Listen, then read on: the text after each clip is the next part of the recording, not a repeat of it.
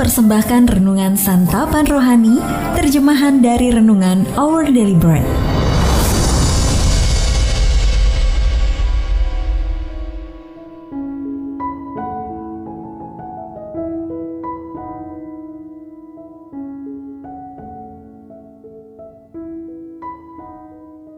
Sahabat ODB, pembacaan Alkitab hari ini terambil dari Lukas pasal yang ke-22, ayat yang ke-31 sampai dengan ayat yang ke-34, lalu dilanjutkan dengan ayat yang ke-54 sampai dengan ayat yang ke-62. Lukas pasal yang ke-22, ayat yang ke-31 sampai dengan ayat yang ke-34, lalu dilanjutkan dengan ayat yang ke-54 sampai dengan ayat yang ke-62. Simon, Simon, lihat iblis telah menuntut untuk menampi kamu seperti gandum. Tetapi aku telah berdoa untuk engkau supaya imanmu jangan gugur. Dan engkau, jikalau engkau sudah insaf, kuatkanlah saudara-saudaramu. Jawab Petrus, Tuhan, aku bersedia masuk penjara dan mati bersama-sama dengan Engkau. Tetapi Yesus berkata, Aku berkata kepadamu, Petrus, hari ini ayam tidak akan berkokok sebelum engkau tiga kali menyangkal bahwa engkau mengenal Aku. Lalu Yesus ditangkap dan dibawa dari tempat itu. Ia digiring ke rumah imam besar dan Petrus mengikut dari jauh.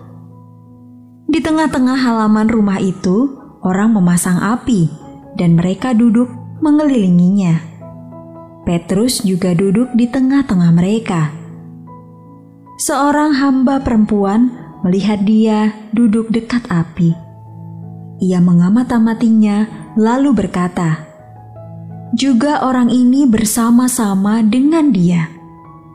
Tetapi Petrus menyangkal, katanya, "Bukan, aku tidak kenal dia." Tidak berapa lama kemudian seorang lain melihat dia, lalu berkata, "Engkau juga seorang dari mereka." Tetapi Petrus berkata, "Bukan, aku tidak." Dan kira-kira sejam kemudian, seorang lain berkata dengan tegas, "Sungguh, orang ini juga bersama-sama dengan dia." sebab ia juga orang Galilea. Tetapi Petrus berkata, "Bukan, aku tidak tahu apa yang engkau katakan." Seketika itu juga, sementara ia berkata, berkokoklah ayam. Lalu berpalinglah Tuhan memandang Petrus.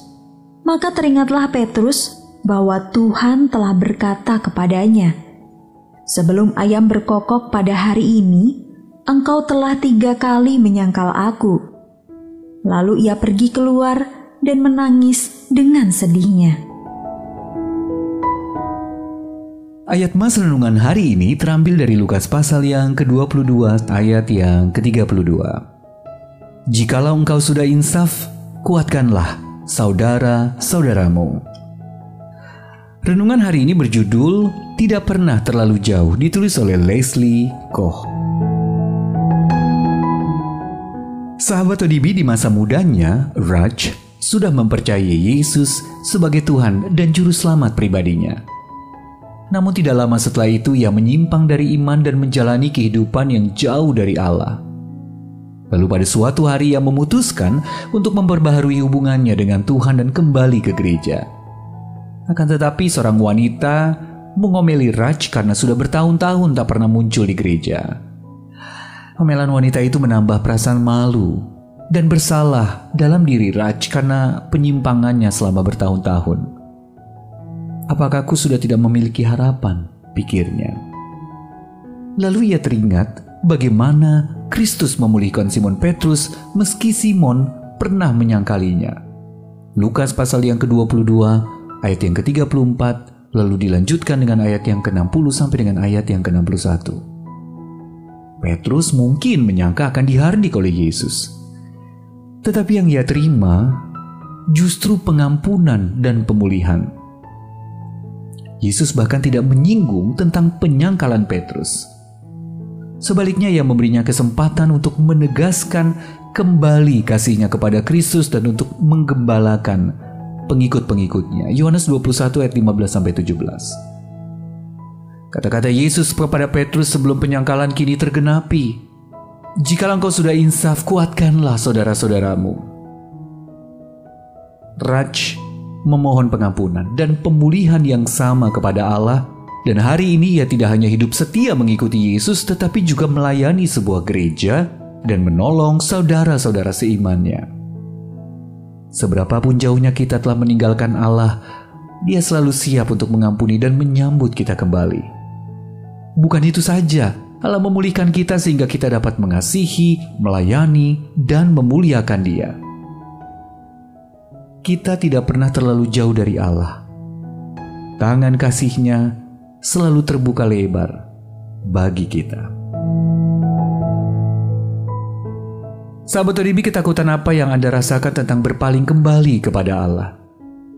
Lalu apakah mengetahui hatinya yang penuh pengampunan membuat Anda semakin rela kembali kepadanya? Mari kita berdoa. Ya Bapa terima kasih atas belas kasihan dan kesabaranmu yang tiada habisnya untukku. Terima kasih karena aku dapat mempercayai kasihmu yang abadi. Amin. Jika Anda ingin mendapatkan buku renungan ini dalam bahasa Indonesia, Inggris atau Mandarin, WhatsApp kami di 0878 7878 9978 atau email indonesia@odb.org. Persembahan kasih dari Anda memampukan Our Deliberate Ministries menjangkau orang-orang agar diubahkan. Tuhan memberkati.